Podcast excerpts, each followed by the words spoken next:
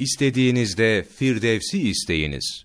Ebu Hureyre radıyallahu anh'tan naklen, Resulullah sallallahu aleyhi ve sellem Efendimiz şöyle buyurur. Allahu Teala, salih kullarına hiçbir gözün görmediği, kulağın işitmediği, kimsenin hatırından geçmeyen nimetler hazırlamıştır.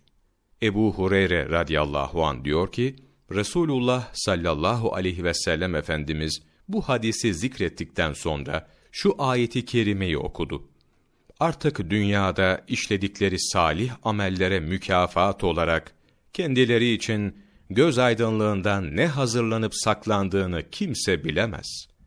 Ebu Hureyre radıyallahu an diyor ki, Ya Resulallah, mahlukat hangi şeyden yaratılmıştır diye sorulduğunda, sudan buyurdular.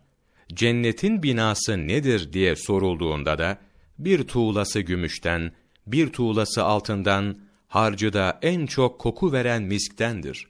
Çakılları, lü lü yani inci ve toprağı da zaferandandır. Ona girene nimetler vardır. Ümitsizlik yoktur. Ebedi kalıp ölüm yoktur. Elbiseleri çürümez, gençliği yok olmaz buyurdular. Cabir radıyallahu anh diyor ki, Resulullah sallallahu aleyhi ve sellem Efendimizin şöyle buyurduğunu duydum. Cennet ehli tükenmeyen nimetlerden yer içer, küçük ve büyük haceti defetmezler. Denildi ki, Ya Resulallah, ya yemek nasıl olur? Buyurdular ki, temiz ve güzel koku veren bir ter olarak çıkar. Kokusu misk gibidir. Allahu Teala'ya hamd ve tesbihi hatırlatır. Rahat nefes vermeyi sağladığı gibi. Übade radıyallahu an Resulullah sallallahu aleyhi ve sellem Efendimiz'den şöyle rivayet eder.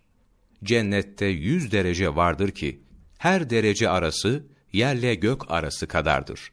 Yani birbirlerinden çok farklıdır. Firdevs cenneti derece bakımından en yükseğidir. Cennetin dört nehri de ona akmaktadır. Arş onun üstündedir. Allahu Teala'dan cenneti istediğiniz zaman Firdevs'i isteyiniz. Mehmet Çağlayan, Ehli Sünnet ve Akaidi, sayfa 267, 14 Mart Mevlana takvimi.